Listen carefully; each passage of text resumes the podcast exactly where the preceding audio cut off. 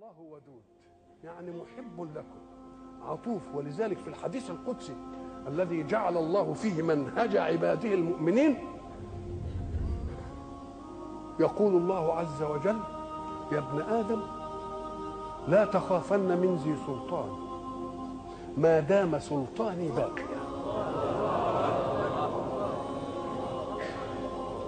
وسلطاني لا ينفد أبدا.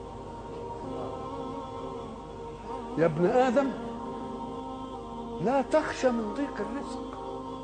وخزائني ملآنة وخزائني لا تنفد أبدا. يا ابن آدم خلقتك للعبادة فلا تلعب. وضمنت لك رزقك فلا تتعب.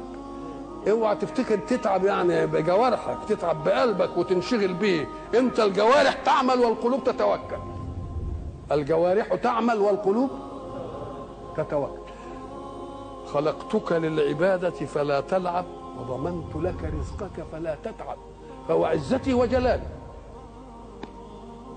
إن رضيت بما قسمته لك أرحت قلبك وبدنك. وكنت عندي محمودا. وإن أنت لم ترضى بما قسمته لك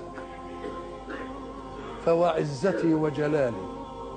لأسلطن عليك الدنيا تركض فيها ركض الوحوش في البرية ثم لا يكون لك منها إلا ما قسمته لك. يا ابن آدم خلقت السماوات والأرض ولم أعي بخلقهن أيعيني رغيف عيش أسوقه لك؟ يا ابن آدم لا تسألني رزق غد. كما لم أطلب منك عمل غد.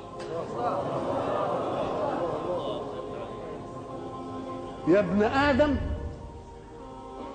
أنا لك محب فبحقي عليك كن لي محبا.